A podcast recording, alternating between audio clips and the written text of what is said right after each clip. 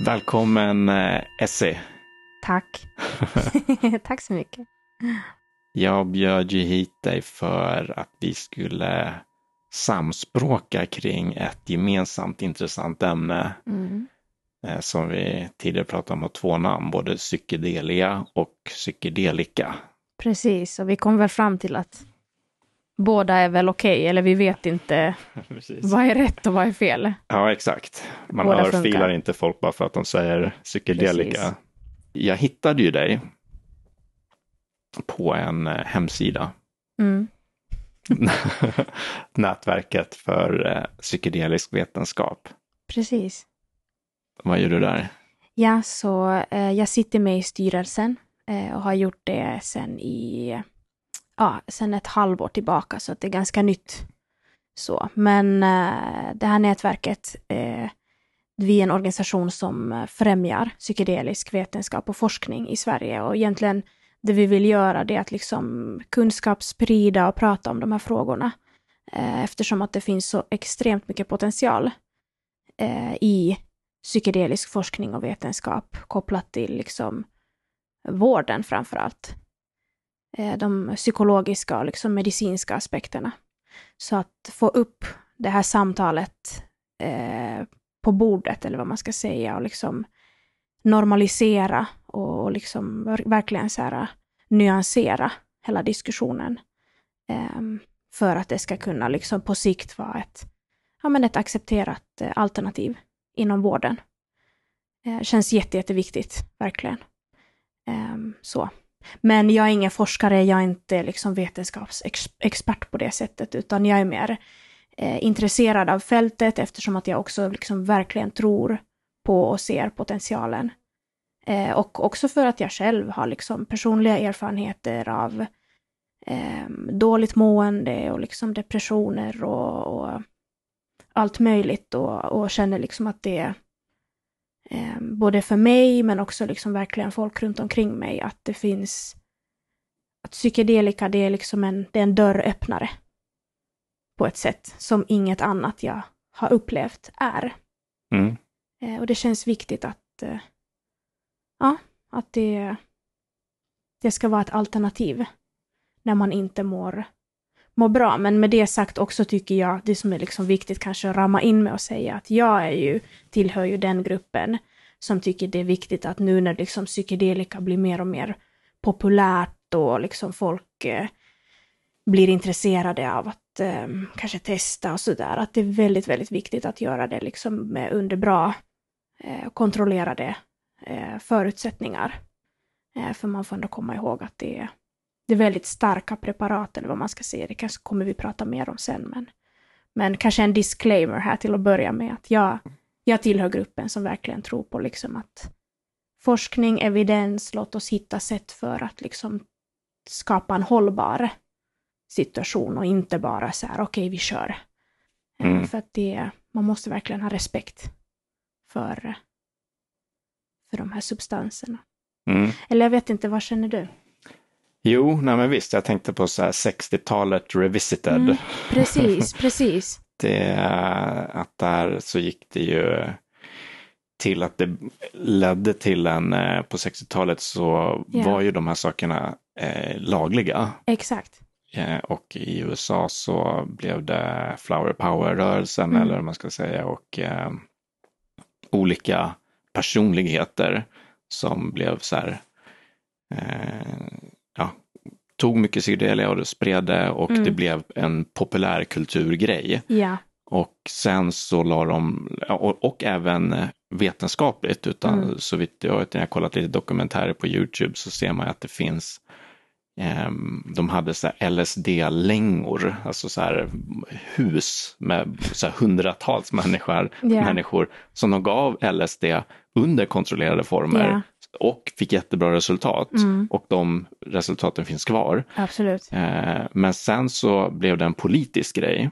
Precis. Och, eh, och man sa att eh, dels gjorde det illegalt, men de gjorde det även illegalt för, eh, för vården Ja, att, att forska på. Mm. Så att de sa att det inte fanns några medicinal values eller Precis. eh, i den klassificeringen. Och det gjorde att man inte ens kunde göra det här som du pratar om att du önskar sker idag. Ja, nej men precis.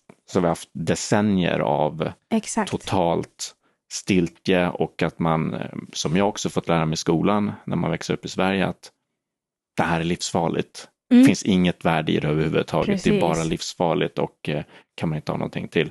Och sen så ser vi att både på den tiden här på 60-talet Mm. gjorde man forskning på det och såg att det fanns ett värde. Mm. Och idag när man tittar på det igen till slut efter ja, an, x antal decennier så ser man igen att ja, det verkar som att det faktiskt finns ett mycket ovanpå att det finns det här som du var inne på lite tidigare, anekdotiska också som man Ja. säger att många människor med psykisk ohälsa erfar pos positiva effekter, inte i, i vårdsammanhang Mm. men att de gör det på privata Ja. sätt eller som jag åkte till Peru. Ja, nej men precis. Och idag finns det ju verkligen jättebra underlag och studier och evidens för att eh, om man till exempel eh, behandlingsresistent ehm, depression, eh, PTSD, alltså den här typen av tillstånd som är väldigt liksom svårbehandlade inom vården. Eh, och där jag, som kanske har personer i min omgivning eh, här i Sverige som liksom har sökt hjälp och du vet, det, det är svårt. Det, man, man kommer inte vidare riktigt för vården är inte riggad för att ta hand eh, om den typen av, liksom, av den typen av riktigt dåligt mående. Så, så där finns det liksom mycket underlag idag Mm. eh, och, och modern, både liksom såklart den forskningen som du refererar till från, från 60-talet men också nu modern som visar på att det finns en jättepotential. Alltså det, Mm. det, ja, det ger resultat. Sen det är klart att ingenting är svart och vitt och sådär men, men eh, vi har så många stora samhällsutmaningar idag med psykisk ohälsa och eh, allt möjligt. Så det känns så dumt att inte liksom ge utrymme för sånt som verkligen visar sig vara en, ja men precis, och liksom vara en game changer på ett sätt. Mm. Ja, precis. Så, som Mm. jag har förstått, kanske vet mer, men, men vad ska man säga, forskningen på fältet, Mm. alltså den nya då, Ja, är ju att, potens, att det finns, än så länge så har man ju inte jättemånga studier, mm, men man har en del. ja, Och många av dem visar väldigt positiva effekter, bland annat på rökning har jag sett att de har så här precis. bättre, långt bättre resultat än någonting av det som vi har idag på, Mm. på några. Men igen, då är det ganska små studier och så vidare, så man får inte dra, Nej, typ som när det kommer nya psykoterapi, psykoterapiformer så är ofta, ofta de mycket bättre i början för Mm. att man, eh, det är så bra terapeuter som jobbar med det och Mm. så, så kan man tänka sig också med psykedelisk psykoterapi Ja. att det finns risk att det är jättebra personer som jobbar med det nu och som gör de här studierna så de får jättebra, allting är Mm. väldigt bra. Sen när det kommer ut på marknaden eller citattecken marknaden, ja, den vårdmarknaden, Ja. vården, så kommer det bli lite sämre kvalitet. ja så kan det vara. Alltså precis som, så att det Ja. kommer kanske, svårt att veta exakt hur bra det kommer bli sen. Precis. Men som du säger så har ju vården jätteproblem med att hantera svåra depressioner, Ja. PTSD. Det finns så många människor som inte blir bättre. Ja, Och de har sett dels med det här eh, MDMA också som en så här, Ja. lite, eh, som finns i ecstasy, precis. en, eh, som man ger till just de här människorna som krigsveteraner i USA. Exakt. Där får folk svårt att säga nej. De, de tar livet av sig liksom ett par om dagen Mm. som varit i och krigat Ja. i- för de mår så otroligt dåligt från den posttraumatiska stresssyndromen som de har. Då. Precis. Och de verkar bli hjälpta av MDMA-terapi till exempel. Precis, och de verkar bli hjälpta över tid. För det är också intressant om man jämför med liksom andra eh, kanske behandlingsmetoder. Att Mm. det som liksom verkar vara ehm, ja, ett återkommande tema eller vad man ska säga, att liksom det verkligen ja, att man, man liksom får en förbättrad livskvalitet och att den håller i sig över tid. Mm, så menar du? Mm. Ja, och att det, det tycker jag är så fint. Att Mm. det, då är det inte att du... För det, det är klart att det, jag, jag har liksom ingenting, jag har inga åsikter om liksom på det sättet. Vi, vi alla gör de valen vi behöver göra och liksom behöver man medicinera så gör man det, det är inga konstigheter. Men att, men att det känns också fint att det finns alternativ där du behandlas kanske tre, fyra, fem gånger. Eh, ibland till och med färre gånger än så. Och att effekten håller i sig. Så att du inte är beroende av att ta en medicin eh, två gånger om dagen hela livet ut. Eh, för det är också liksom ganska begränsande. Mm. Eller att du behöver liksom gå i behandling eh, i tiotals år för att känna liksom att nu. Eh, och bara den grejen är ju liksom utifrån att liksom psykisk ohälsa, det är verkligen ett globalt samhällsproblem. Eh, vi har inte resurser att behandla människor eh, på det sättet de hade behövt. Kanske. Så att, att liksom den här typen av grejer, att de kommer in nu, jag tycker det är jätteviktigt. Ehm, verkligen. Men angående forskningen, alltså jag är ju liksom forskningsintresserad och läser ju en del studier, men jag är inte som sagt expert på något sätt. Så jag tänker, nu finns det ju till exempel lite studier, eller jag läste en intressant just om uh, kopplingen mellan psilocybin och depression, som är lite, lite större. Uh, Psilocybin är det magiska svampar? Det är magiska svampar, precis. Mm. Men vill man liksom verkligen nörda ner sig i forskningen så kan jag rekommendera att Eh, om inte du redan är med i NPV, att liksom, ja, för där läggs det upp väldigt mycket material och även mina styrelsekollegor är jätteduktiga på liksom forskningsbitarna. Mm. Så att prata med dem, framförallt Emma och Måns, de kan verkligen, mm. också ur ett historiskt perspektiv. Det är jättehäftigt.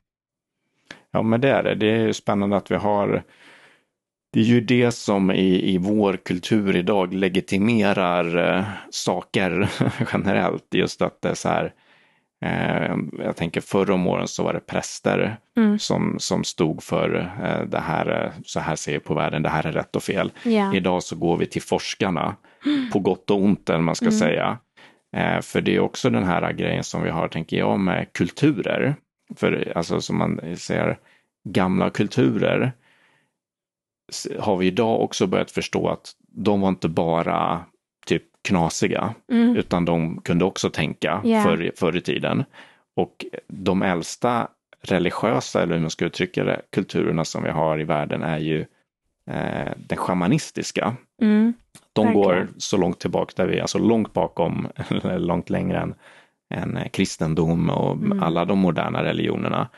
Eh, tills vi inte har något sätt att veta ens egentligen vad, vad, vad folk höll på med. Men, men eh, i de kulturerna ser man på många ställen i världen att de på olika sätt har hållit på med mm. psykedelia. Exakt. Och i Peru där jag var, där kallas ju den, där kallar de ju ayahuasca som finns där, mm. eh, på ett, vissa ställen i alla fall, som, eh, då ser de la medicina, mm. som betyder the medicine, alltså yeah. stormedicinen, den Precis. viktigaste medicinen. Eh, och det är intressant hur, eh, för det är å ena sidan bra tycker jag med forskning att vi ser på det, mm. men å andra sidan eh, om, en, om kulturer runt om i världen gjort på ett visst sätt och mm. säger sig ha haft jättemycket nytta av det, så är det antagligen också värt någonting. Forskningen kom ju på typ i modern tid så de har ju inte kunnat bedriva någon forskning yeah. då men det betyder inte att de inte vet någonting eller aldrig kunde hjälpa någon verkligen. före vi hade forskare som kunde göra fMRI-studier. Liksom. Ja men verkligen och nu det sägs ju att vi är liksom inne i, i tredje vågen just nu mm, vad betyder det? Eh, med psykedelika. Så första vågen är ju verkligen den här ursprungsbefolkningar, antika kulturer, eh, jag läste någonting om att, men att det, ja, att pla, liksom Platon, Aristoteles, alla våra mm. liksom antika stora tänkare, att det har funnits liksom psykedelika med i det, vilket inte egentligen är förvånande så eh, kanske. Men, men så det var liksom första vågen. Eh, det här, ja men precis, det är liksom antika och även ursprungs, eh, som du pratar om, shamanismen och hela de, de bitarna. Och sen andra vågen, 60-talet där med, med liksom Timothy Leary och eh, Ramdas och det gänget som Det var forskar. två, för de som inte vet, det är två, två professorer på Harvard. Precis. Som, eh, de blev liksom lite ansiktet utåt mm. eftersom att det var de som bedrev mycket forskning då på Harvard och även liksom tog substanserna själva och var väldigt, väldigt kontroversiella i det. Ja, de fick eh, båda sparken. Precis. Tror jag. Eh, precis, och Richard Alpert då, han blev ju Ramdas senare en, en andlig ledare, eller vad man ska säga, en andlig. Mm. Ja, och en, verkligen en, därför kan man ju se hur, ska man säga, psykedelia som inkörsport, citattecken, yeah. till andlighet. Andlighet, exakt. för han blev ju en, åkte till Indien sen och, var, Ja. och han blev en av de största västerländska andliga lärarna i modern tid. Verkligen. Eh, Och slutade sen med psykedelia också, men jag bara kom att tänka på det, jag tror jag såg någon James Fadiman, någon i det här fältet med psykedelia, Mm. tror jag sagt att hälften av de buddhistiska lärarna Mm. i USA, alltså som lär lär ut buddhism, meditation i USA, hälften av de västerländska i USA har, ta, har någon gång tagit psykedelia. Mm. Det är ganska otroligt. Ja, det är ganska otroligt. det. Men precis, så att det, det var liksom, och det var också eh, just på tal om Ram Dass och så där, det var liksom min första kontakt med, med fältet. Mm, Eh, Det var så jag liksom kom in på det. Men så det var andra vågen. mm, Och nu befinner vi oss i sidospår. Nej, men nu befinner vi oss liksom i den här tredje vågen som man egentligen kan säga kanske eh, drog igång eller fick, hade sitt startskott för men, runt 20 år sedan när man liksom drog igång nya forskningsstudier och liksom fick upp ögonen för, för det här igen. Är det som eh, typ med de här Maps och de, eller? Precis, exakt. Det Det är- är, en organisation i, i eh, USA. ehm, eller Kanada, eller ja, precis. Ja, han Nordamerika den i här alla Rick, fall. Rick Doblin, en snubbe. Precis, exakt. Jag står, tror det står för Multidisciplinary Association for Psychedelic Studies. Någonting. Studies, Ja, ja. Något sånt. Precis. Tror det med. Mm. Det är ett långt namn i Ja, alla fall. jättelångt. Men så precis, så att liksom där sen kom den här tredje, tredje vågen in. Och det är liksom där vi befinner oss nu. Mm. Men det är ju precis som du säger att liksom det, vi har ju riggat våra västerländska samhällen så att vi liksom, vi är ju, vetenskapen är ju Gud. Så att vi, vi gör ju egentligen ingenting om inte det eh, backas upp av studier och evidens. Vilket också är så konstigt för att det, ibland går det ju emot liksom den mänskliga instinkten.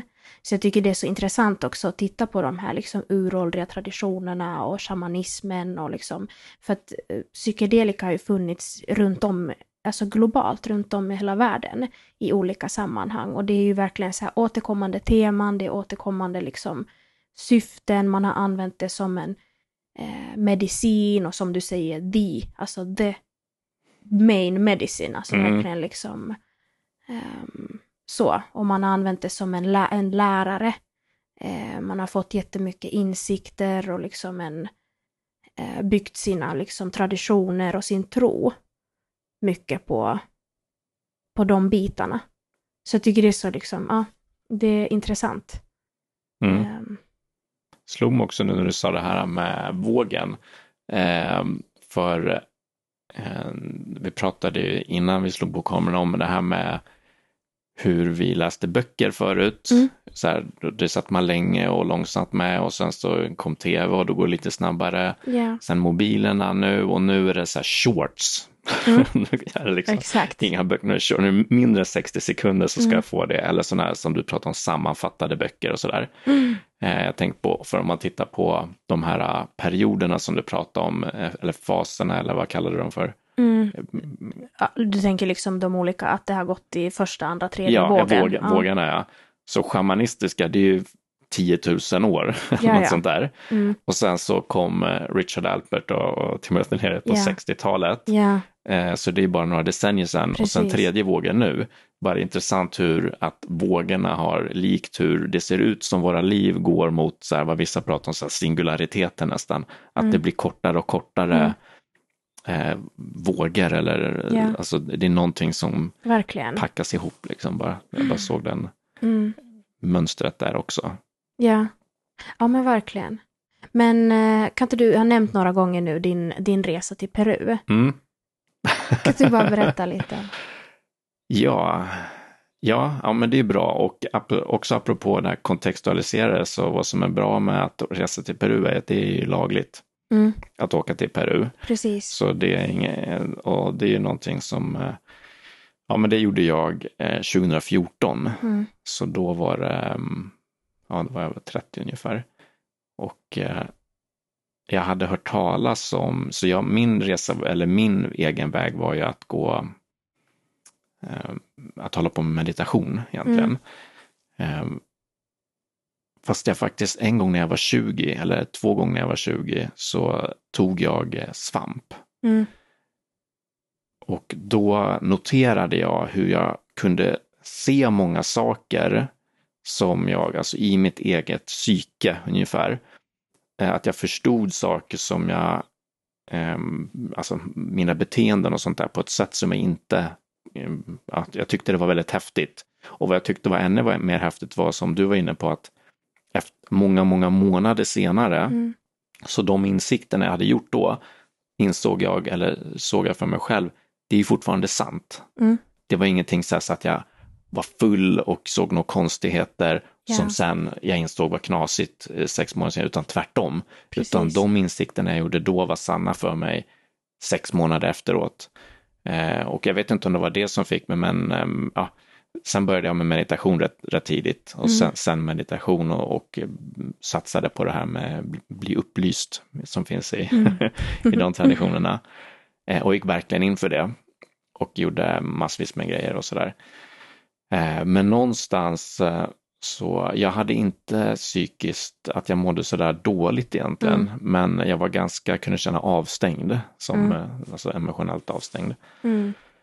Och fick höra om det här ayahuasca Ja. någon gång och bara, ja, förlåt, eh, bara någonting i, i mig bara tändes på det. Ja. Jag fick någon så här jättestark eh, dragning och då, det kommer ju då, eller kommer, men i Peru i alla fall åkte många till Mm. eh, för att ha det. Så jag började läsa hur mycket som helst och det är så jag eh, angriper grejer. Ja. Så jag typ läser, ja, läste hur många böcker som helst. Du nördar liksom ner dig Ja. när du hittar ett Ja. intressant. Ja. Exakt. Nice. Jättemycket jag kollade. Jag räknade ut att jag hade kollat på flera hundra timmar YouTube-klipp Mm. under en halvårs tid eller något sånt där och researchade det. Eh, när jag kom dit sen så insåg jag ganska snabbt att jag hade inte behövt läsa någonting överhuvudtaget. Mm. För det hjälpte mig inte någonting och Nej. det var inte alls så som jag hade föreställt mig. Eh, Men det var kul ändå. Jag tycker att det är kul att göra det och Ja. man får ändå en kontext på något sätt. Så då åkte jag dit till Peru i eh, och eftersom jag gillar att så här, göra saker hyfsat extremt när det kommer till sånt i alla fall Mm. så tog jag det, ett av de centren som var både säkert, apropå det vi pratade om, Mm. eh, så att det, det var en så här colombiansk-amerikansk läkare som hade det tillsammans med en eh, väldigt så här beryktad, vad ska säga, schaman från där. Ja. Så att det var engelskspråkigt och samtidigt, vad ska man säga, från den riktiga kulturen Mm, ungefär, så mm. mixat. Eh, Så det kändes tryggt att åka dit, Mm. tyckte jag. Eh, och det fanns inte lika mycket som det fanns idag heller, Precis. 2014. Eh, Så då åkte jag dit och de, det som var häftigt med dem var också att de hade tre, de körde fyra ceremonier i veckan. Mm. Så det Mm. tänkte jag, det är maxat, så Ja, då får jag verkligen intensivt. valuta. Mm. Eh, För det kostar rätt mycket, både resa och sen bo där, Mm. och, så det var rätt mycket utgifter kring det. Eh, Så då åkte jag dit tre, tre veckor Mm. eh, och, och gjorde då så tre ceremonier, eller fyra ceremonier i veckan. Du Och- gjorde fyra ceremonier i veckan i tre veckor. Ja, Så tolv totalt. tolv totalt ja. Wow. Mm. Vissa var ju där, eh, schamanerna också, apropå det här med bieffekter, är lustigt att eh, för schamanerna som var där, de tog, tar ju alltid tillsammans Mm. med deltagarna Precis. och de gjorde ju det fyra gånger i veckan året om. Mm. Wow. Och man har ju intensivt. sett, eh, ja, det är verkligen intensivt, de tar kanske inte lika, jag vet inte hur de gör, men det är spännande apropå eh, bieffekter och sådär, hur påverkar det? För jag vet att de enda studier som jag känner till är på de här eh, Santo Daime, eh, det är någon så här eh, typ av eh, kristen eh, ayahuasca-kultur. eh, som, och de ses varje helg som andra går i kyrkan, då tar de ayahuasca Mhm. och gör det varje helg eh, året om. Eh, Och de har man tittat på eh, här, olika variabler och när man jämför dem med en likvärdig eller motsvarande grupp i Mm. deras samhälle så mår de bättre på alla variabler. Eh, Så det är intressant bara hur, ja i alla fall. Så då var jag där i Peru och så Mm. gjorde jag fyra i veckan i tre veckor så, och det var det var ju minst sagt livsomvälvande. Mm, kan jag tänka mig. så det var väldigt, eh, det var det, blev det, det högsta och det lägsta Mm. i mitt liv eh, i, fram till den punkten, vad man ska säga, och som jag var kan ju varit att jag haft andra upplevelser när jag var väldigt, väldigt liten som jag inte kommer ihåg, men i vuxen ålder definitivt. Mm. Så var det både att jag fick erfara det här, ett, ett typ av andligt uppvaknande Ja. som jag hade sökt i så många, i många, många år. För, Mm. mig, för mig väldigt många år, men om det var åtta, nio Mm. år och sånt där som jag hade åkt på retreats och mediterat varje dag och Mm. hållit på med massa grejer. Så, och haft glimtar, väldigt små och korta, men här blev det som Mm. verkligen en, en fullskaligt. Eh, och sen samtidigt med det så kom all massa bagage som jag själv inte visste Mm. att jag bar på upp. Precis. Och då mådde jag dåligt. Mm. då mådde jag riktigt dåligt. Inte bara då heller, utan apropå det här med eh, psykedelisk eh, assisterad psykoterapi, är ju att där åker man dit så har man typ lite så här integreringsprat dagen Precis, efter. för att kunna liksom processa det man har upplevt och liksom Ja. försöka pussla ihop vad, vad är det som har hänt egentligen. Ja, precis. Ja. Och det är ju bra, men det är väldigt, där har ju västerlandet, skulle jag säga, kommit mycket längre i Mm. hur man förstår eh, psykoterapi och Mm. psykoterapiformer och olika sätt man kan göra saker Mm. på. Ehm, här är det ju mer att de bara gör det och sen Ja. pratar lite i en grupp. Men det är annorlunda än att sitta med en terapeut Precis, och eh, bearbeta saker kanske Ja. med någon eh, fattar. ja, som, jag, som är mer åt det hållet som man gör om man använder det här internal family systems till exempel som en som jag pratade med tidigare, en psykolog som ja, det är bara en terapiform som Mm. används ibland med psykedelisk eh, psykoterapi. Eh, eller någonting annat. Så det skulle gjort min resa bättre Mm. om jag hade haft, inte bara att man satt i en grupp och sa lite grann vad man upplevde dagen innan, Mm. utan haft en eh, om en någon tränad i samtal och eh, bara som och, och- och bearbeta mer de grejerna, Ja. för det var tunga saker som kom upp. Ja, Och det är en av de stora riskerna som jag ser det med psykedelia, precis. att göra saker och få dem och sen inte ha något sätt att bearbeta det. Precis, man måste verkligen fånga upp. eh, För att det är ju... Den visar ju också kanske inte det du vill, utan det du behöver se. Brukar man ju säga. Mm. Mm. Och att du, du får ju verkligen, det är ju som att liksom turboladda din andliga process och även liksom medvetandet och, och allting. Och då blir det ju, alltså det är ju mycket för en människa att hantera. Eh, känns det som. Mm. Så att det, jag håller verkligen med om att det är jätteviktigt att liksom Ja, att det finns förutsättningar för att man ska kunna liksom hantera det på ett bra sätt och förankra och ta hand om sig själv liksom Mm. i det där.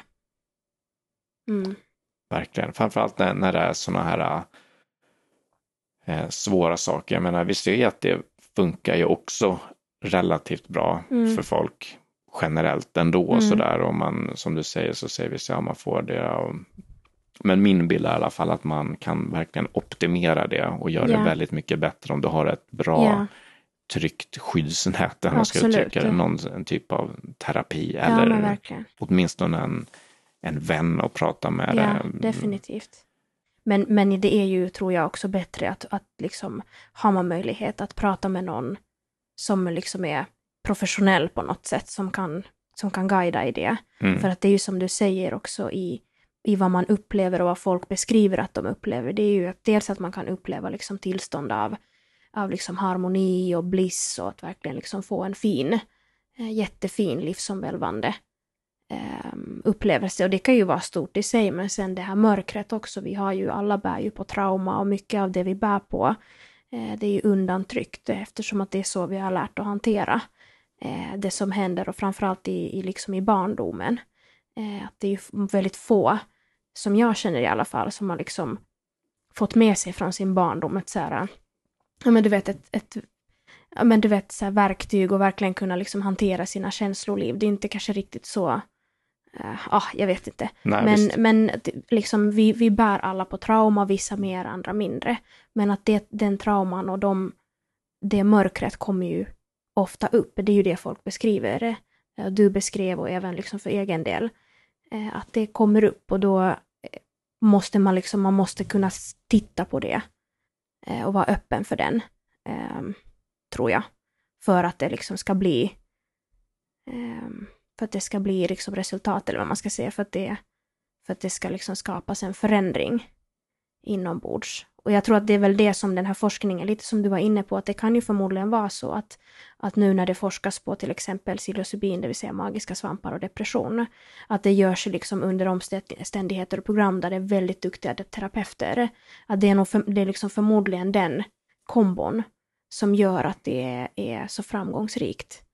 Eh, att man får liksom verkligen bearbeta det som har kommit till en och saker som man kanske inte ens liksom mindes ens. Man, man har mm. liksom helt förträngt Visst. vissa grejer. Det kan vara så tungt.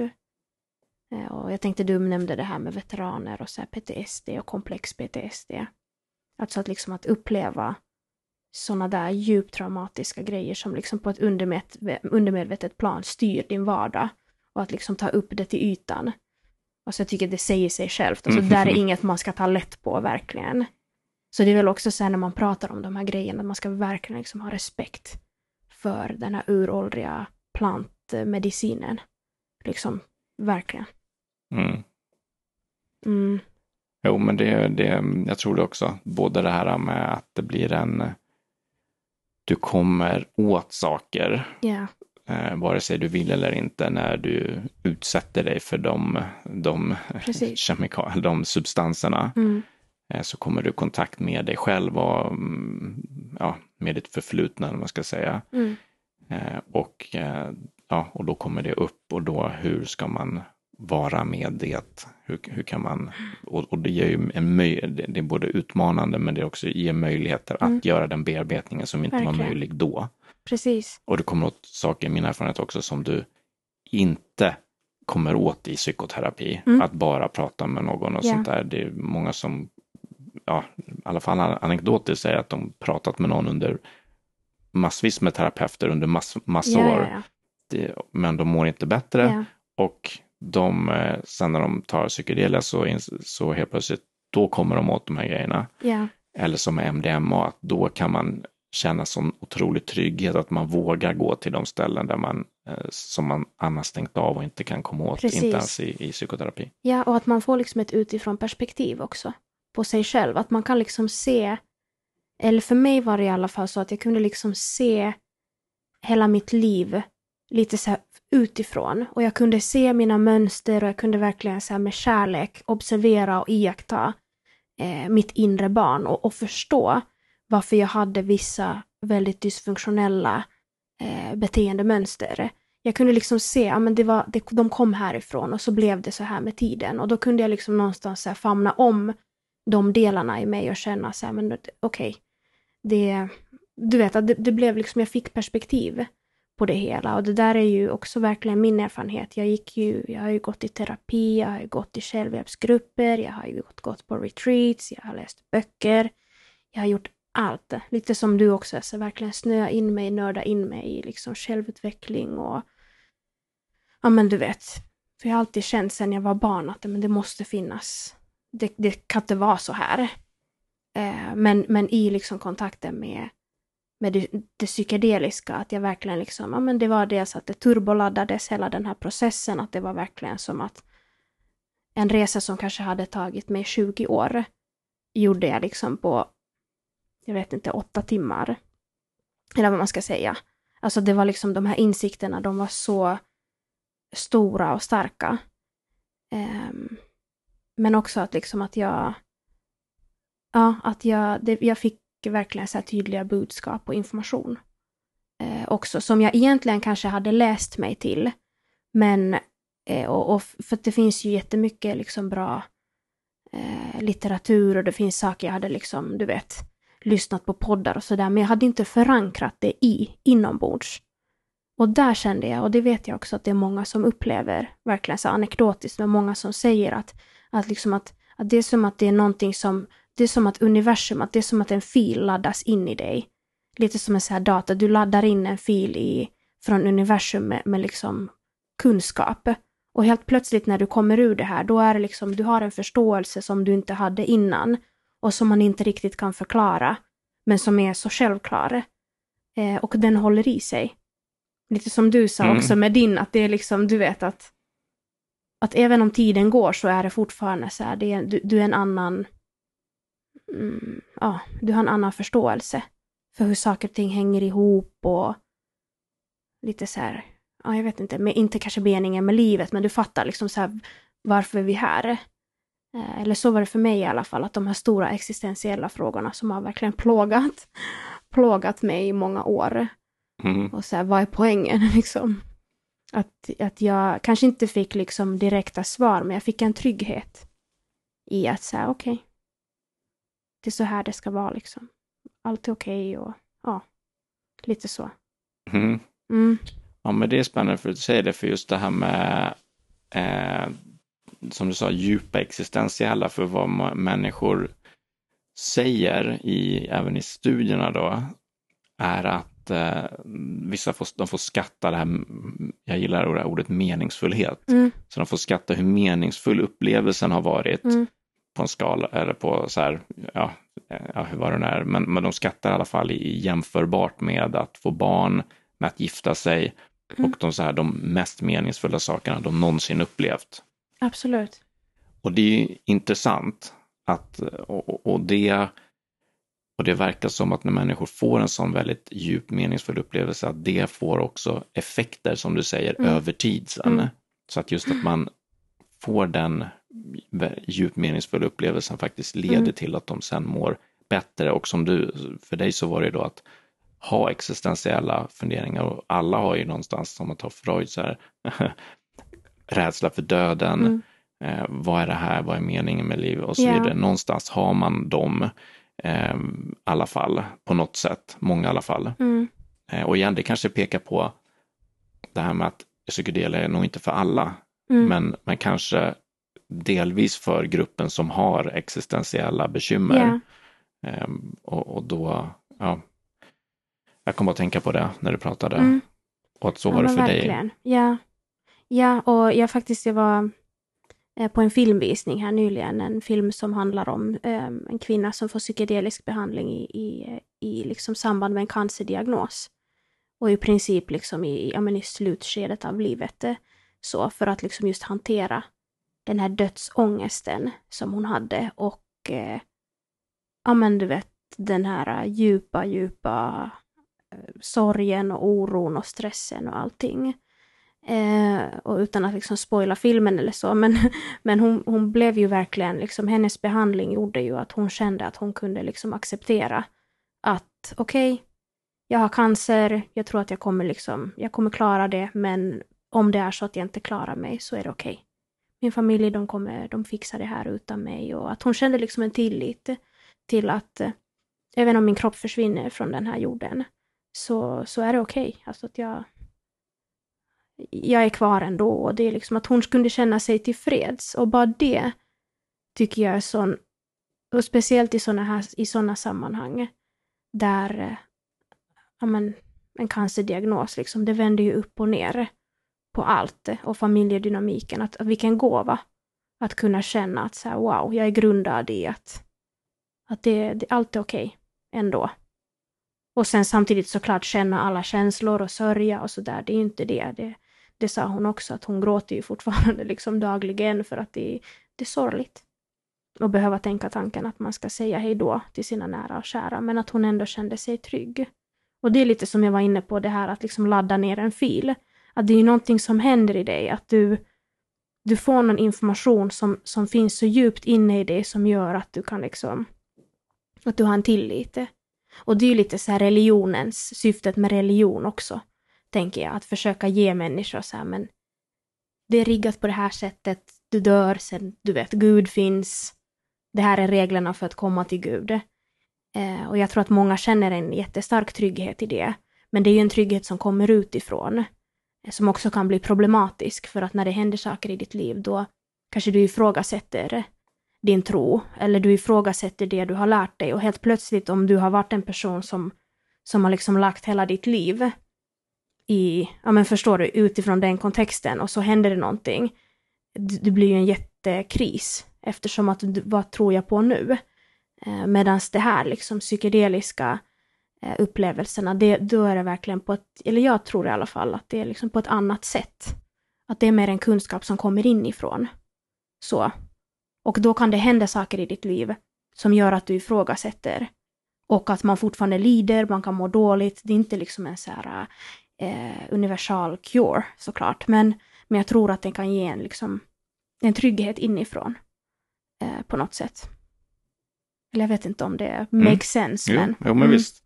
Jo, men det gör det. Jag tror, jag skriver upp för mig själv så här poddavsnittsämnen. Eh, ja.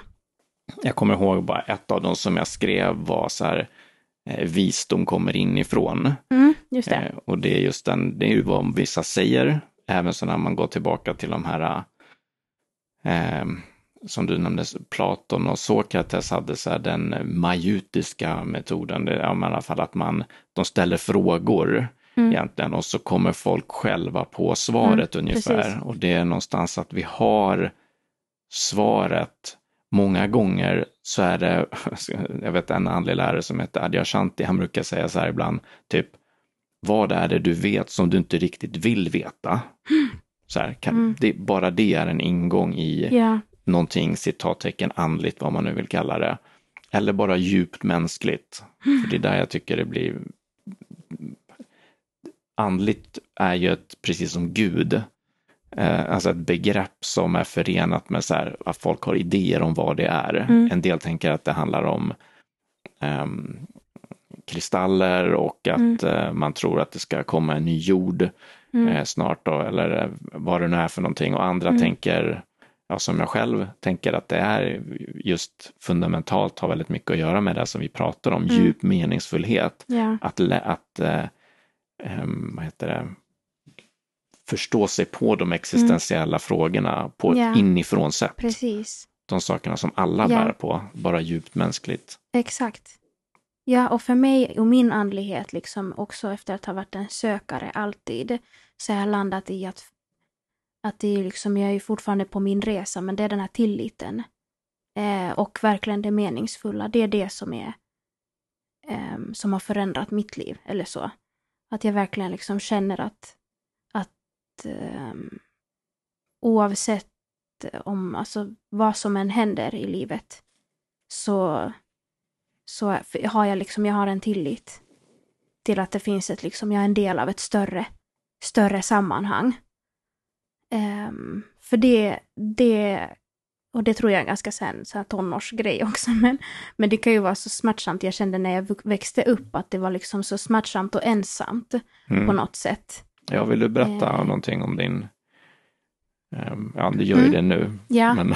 ja men precis. Nej men, nej, men jag, um, alltså jag har alltid varit en, en eh, glad person så, men jag har också alltid varit en, um, alltså jag har alltid haft um, vad ska man säga, uh, jag har alltid kämpat uh, med mig själv, uh, liksom på insidan, men, men det är inte att folk har riktigt känt till det eller uppmärksammat det, för det är inget som jag har liksom visat så mycket utåt, för att jag är uppvuxen i en kontext där eh, det är beroende och medberoende och då det som kanske många som, som har den eh, historien kan känna igen sig i att man, eller för mig var det i alla fall att jag kände liksom att jag eh, jag, jag, bar på en, hemlig, en familjehemlighet och att jag hade lite så här en mask eh, alltid. Jag kommer ihåg att när jag var, jag var liten att jag ofta kände liksom att ingen vet vem jag är och jag vet knappt själv vem jag är.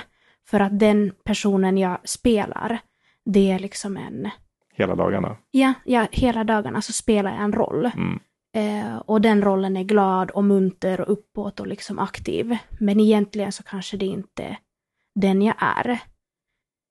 Eh, och sen liksom i det där att det var, ja, men liksom, och en så här existentiell så här, du vet, och ingenting spelar någon roll och när jag dör, liksom vad händer då? Jag har alltid tänkt mycket på de här frågorna. Hur var det när du som typ, ja, för jag tänker, när du, om du minns det, när du gick och la dig på natten eller när du var själv? Eller när är det, för när man är i skolan eller när man, då ja, spelar precis. man ju den rollen. Ja, men, men, men, vad händer när du, är det någonstans där det, det där andra kommer fram eller där du Ja, men precis. Jag tror mycket så här när jag var liksom i min ensamhet att jag, ja, men jag funderade mycket på de här grejerna liksom och satt och så här grubblade och ja. Och kände, och framförallt kanske också så här, jag vet inte, det går inte att sätta ord på det, det var inte att jag var liksom, eh, det, det är nog verkligen inget som har märkts kanske utåt så, men att jag kände alltid så här, jag passar inte in här. Du vet, att det är något som är fel. Att det, du vet, om folk bara visste vem jag var egentligen, då skulle ingen vilja ha med mig att göra. Alltså förstår du? Ganska så här, och, och det där är ju, tror jag, ganska vanligt liksom nu i vuxen ålder, liksom, när jag har, eh, har ett intresse för frågorna. Att det, jag var ju absolut inte ensam med att känna så, men då var jag ju Då det. det, ja. Så ensam, och framförallt liksom tonåren, det är ju verkligen så här intensiv tid. Och jag kommer ihåg att jag ofta kände liksom att, ja, om folk bara visste hur jag är egentligen. Eh, så det var, liksom, det var en ganska, eh, det, det var liksom en börda eh, i många år. Men ur det då så var det liksom att jag kände, men nej, att jag, liksom jag, jag kände att jag kan inte acceptera att det är på det här sättet. Det måste finnas någonting mer. Och då började jag gymnasiet, där jag började liksom meditera lite, försökte liksom lite olika grejer och sen när jag blev liksom i 20-årsåldern så började jag verkligen säga, men nu måste jag måste läsa, måste gå kurser, måste liksom försöka, du vet, göra olika grejer. Där jag kände att jag, jag lärde mig och så. Eh, och det gjorde jag ju i ganska många år. Eh, men det som verkligen sen, sen var liksom vändpunkten på något sätt. Eh, eller ja, jag, jag har gjort jättemycket bra grejer liksom och allting bidrar ju på sitt sätt. Men det jag kände gav mig den här tilliten och tryggheten, det var ju verkligen liksom dels att också hitta men, de här andliga eh, lärarna som Ramdas som pratar om liksom non-duality och, och hela det sättet att se på världen. Att vi är sammanlänkade, vi är ett. Eh, det, men, men också liksom att sen få erfara det. Att få förstå det på egen hand genom en psykedelisk upplevelse. Det var en game changer eh, för mig. För att då, då gick det från att vara teoretiskt och någonting som jag hade läst till att vara någonting väldigt upplevelsebaserat, någonting som jag var, alltså var i. Eh, så det var ganska häftigt. Eh, så, men ja, och att det, det, har, sen, det har stannat kvar eh, hos mig. Eh, och det är klart, jag, man har ju fortfarande liksom, man är ju ett eh, projekt som aldrig tar slut. Så att jag har ju fortfarande mycket som jag jobbar på och det är liksom vardag och eh, liv med barn och sådana där saker som man liksom försöker hantera på olika sätt. Men, men det är häftigt eh, att kunna ändå känna så här, en djup tilltro till att eh, det finns en mening. För det var väl det jag kände när jag växte upp, att jag tvivlar mycket på, så här, finns det någon mening ens? Och liksom om, om, om, du vet den här klassiken, om Gud finns, varför tillåter han det här? Varför tillåter han det här lidandet? Och, du vet, jag var mycket fast i mycket ilska och mycket liksom så. Och det är en, det är en börda att bära på sådär mycket ilska och, och frustration. Så att kunna liksom successivt släppa det och förstå att det behöver inte vara på det här sättet. Det har verkligen varit frihet. Du nämnde det här med harm reduction också. Mm kommer att tänka på bara. Mm. Precis. Eh, ja, men lite kopplat till det vi pratade om innan också, att det är verkligen så här. Nu, nu blir ju liksom, vi pratar ju, fördelen med att vi pratar mer och mer eh, om liksom psykedeliska substanser och potential och, och hela den biten är ju att liksom folk blir mer nyfikna, öppna. Och det i sin tur leder ju till att folk testar och har egna erfarenheter och sådär. Um, och det är verkligen liksom att ändå um, komma ihåg, eller det är inte så här, jag vill inte, det, det är inget så här moral, moraliserande perspektiv här, men att verkligen liksom vara så här ödmjuk inför att det är jättekraftfulla substanser. Och att som vi var inne på, de här har använts liksom i, i alla tider i medicinskt syfte. Så ja. att liksom kanske ta någonting på en hemmafest eh, för skojs skull skulle nog inte jag tycka är en jättebra idé. eh, faktiskt skulle inte Nej. liksom så, utan jag tror man Nej. pratar mycket om så här setting och set och setting och sådär, att liksom att, att effekten av din psykedeliska upplevelse, den handlar den är ju dels jätteunik för, oss alla. Det är ju liksom ingen som har man kan inte uppleva exakt samma saker eftersom att det är så kopplat till ditt inre, men att det handlar också mycket om eh, vad, vad, vad, du är i för sinnestillstånd där och då, vad du har för liksom runt omkring dig, vilka människor, eh, vad är det för ljud, ljus, alltså det är väldigt mycket de aspekterna som spelar in. Eh, och det är så himla viktigt att liksom komma ihåg det också med så dosering och sådana där saker. Man ska inte liksom bara tro att jag kan ta en näve svampar och sen är det bra. För att det, man måste verkligen vara ödmjuk för det. Att det, är liksom, det här är en behandlingsmetod, eller vad man ska säga. En mm. uråldrig, mm, mm. liksom ett sätt att uh, läka människor. Uh, och precis som du inte går liksom till apoteket och bara plockar ner så här random grejer i din korg och bara, du vet.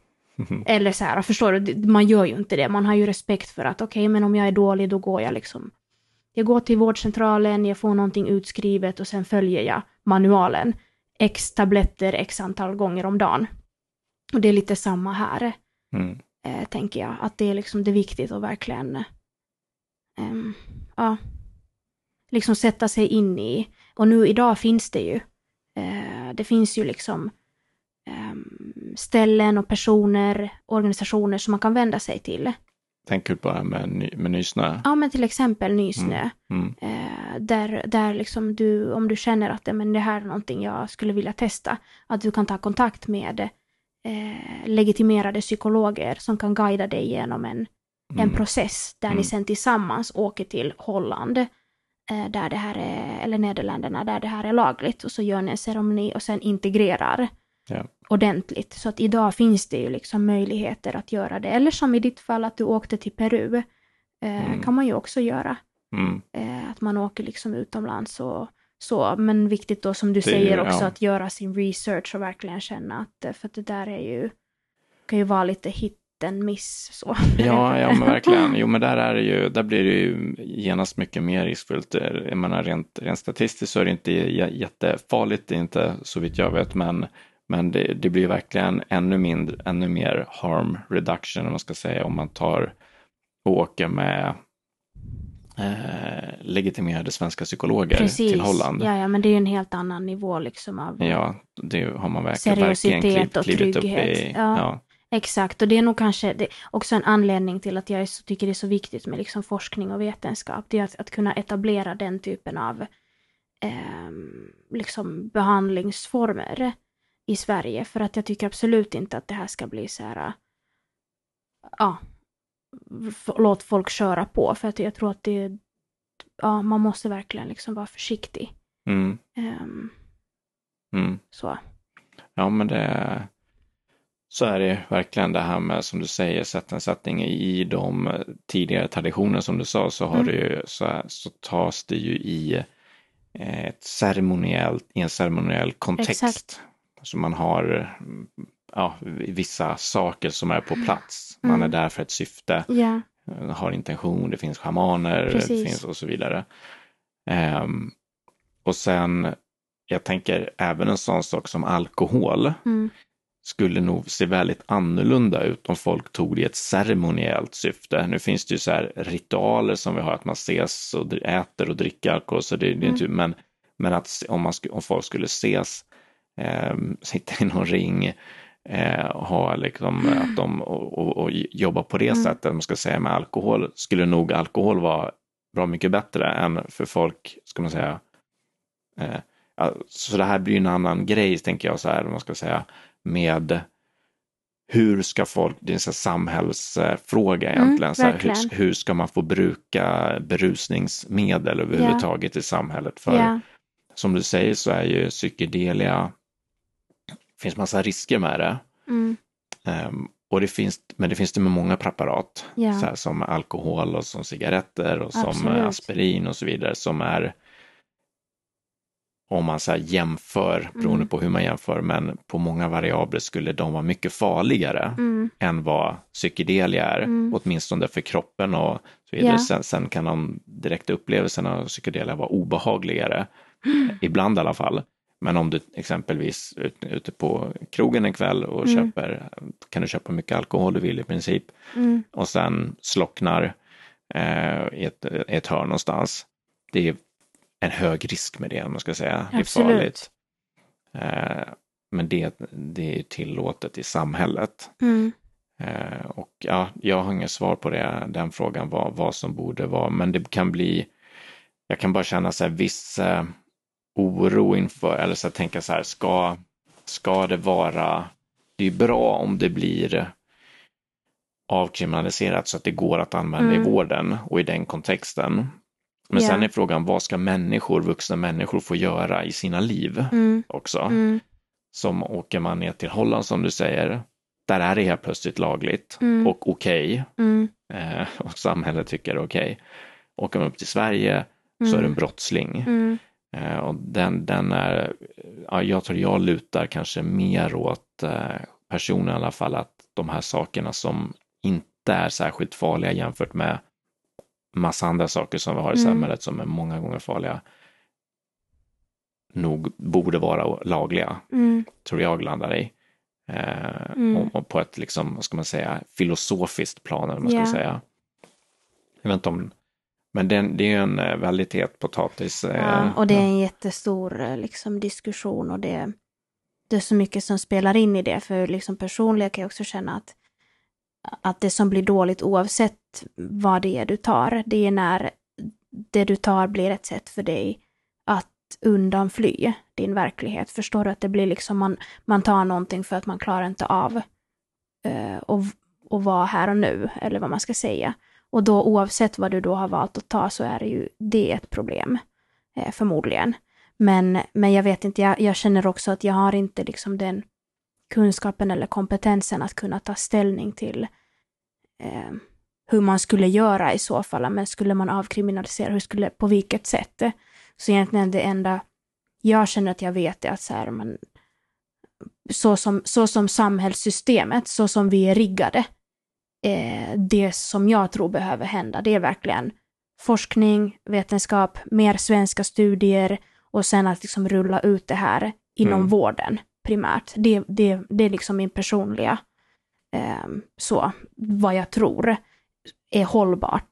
För Mm. att man kan ju göra på andra sätt också. Jag tror inte nödvändigtvis att det är dåligt, men det finns ju mer risker i att det då liksom blir en att det backfires, eller vad man ska säga. Att det Verkligen. blir den här 60-talets Timothy Leary kontroversiella. Jag menar, det som också är liksom förknippat med, med psykedeliska preparat, det är ju liksom en medvetande eh, förhöjning, eller vad man ska säga, att man liksom får en så här en, en, en annan typ av consciousness.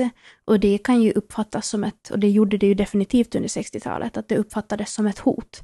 Att helt plötsligt har vi de här människorna som ifrågasätter krig, som ifrågasätter liksom samhällsstrukturer, som du vet, tror på att vi är enade, vi är alla ett. Och det går ju lite emot liksom de här kapitalistiska systemen och, och liksom förstår du hela, hela samhällsstrukturen egentligen. Så att det är också liksom ganska intressanta, jag har inga svar där, men det är intressanta perspektiv att det är...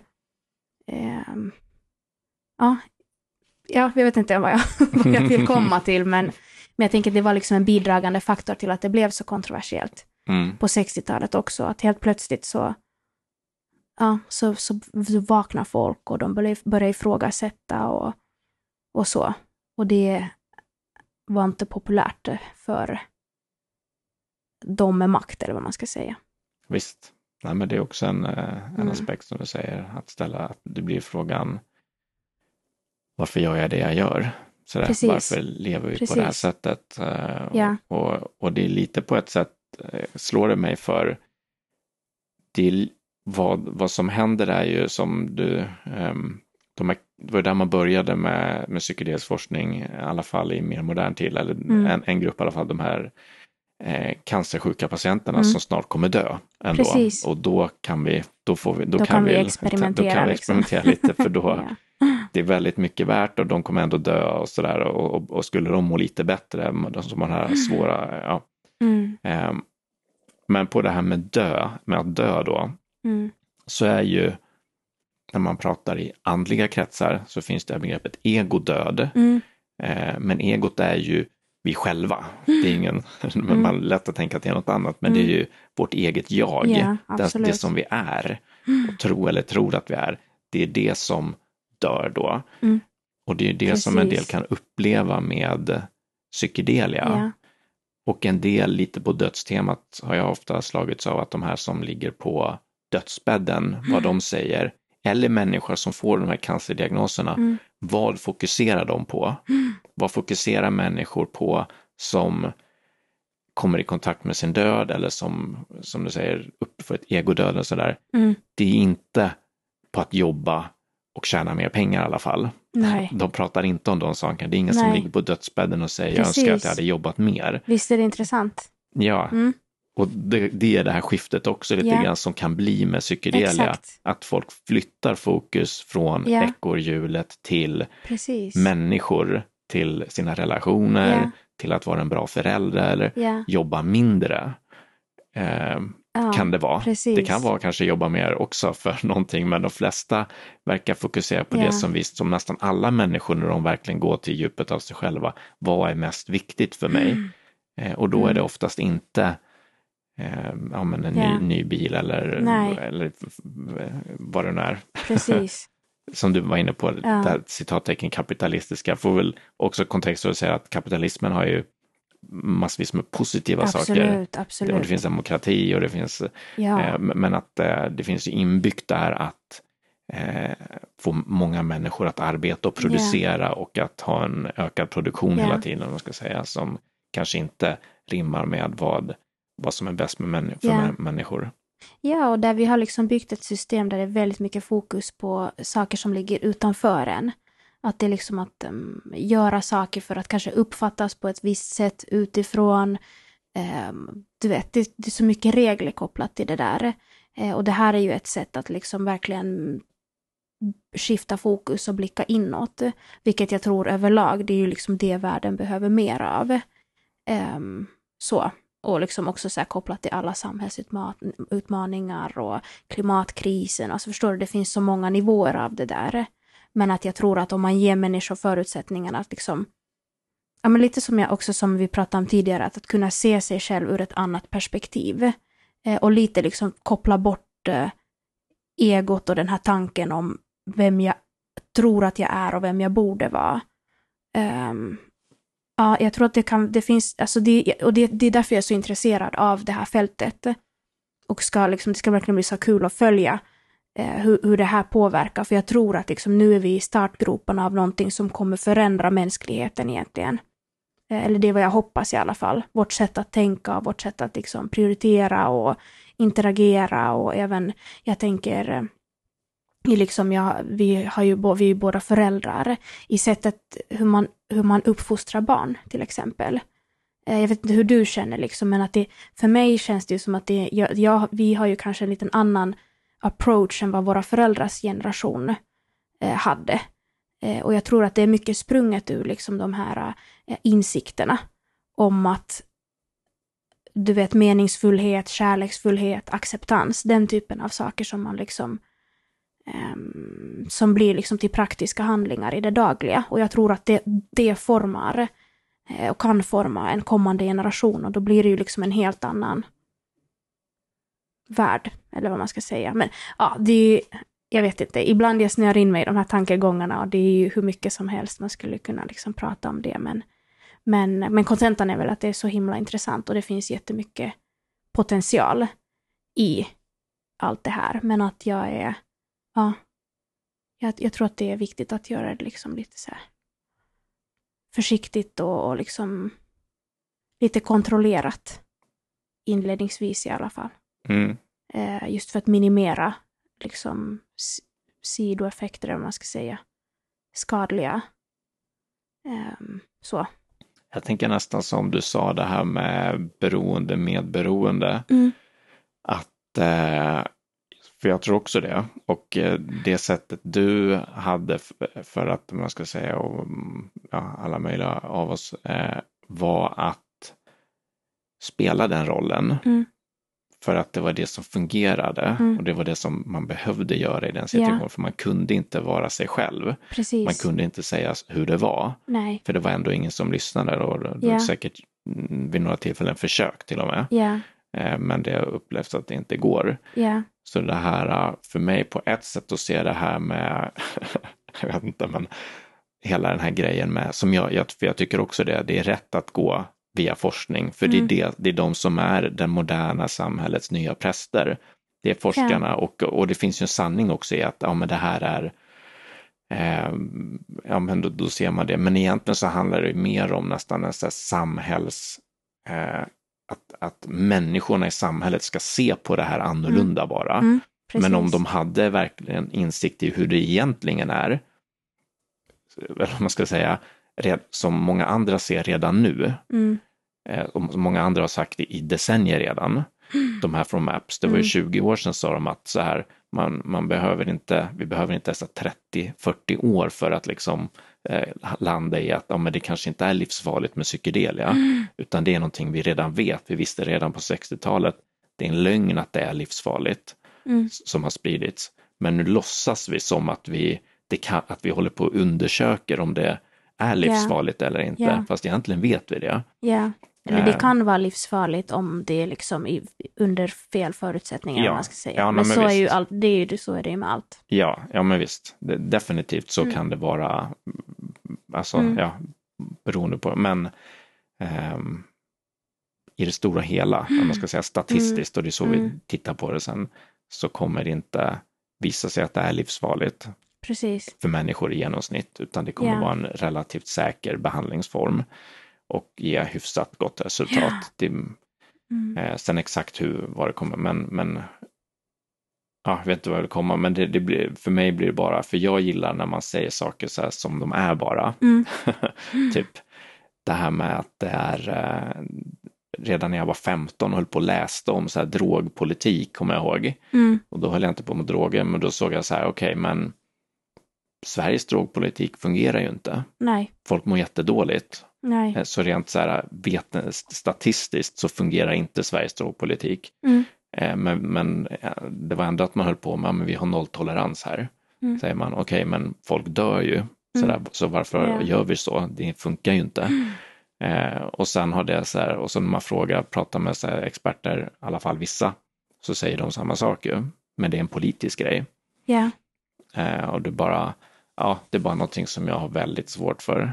När man i princip ljuger. Ja, men faktiskt. Och även liksom, jag tänker på den här alkoholnormen som du var inne på, som, som är liksom helt eh, super vardaglig och accepterad, som också är så skadlig Mm. eh, egentligen. Alltså för mig har ju alkoholen också varit en så accelerator av mitt dåliga mående.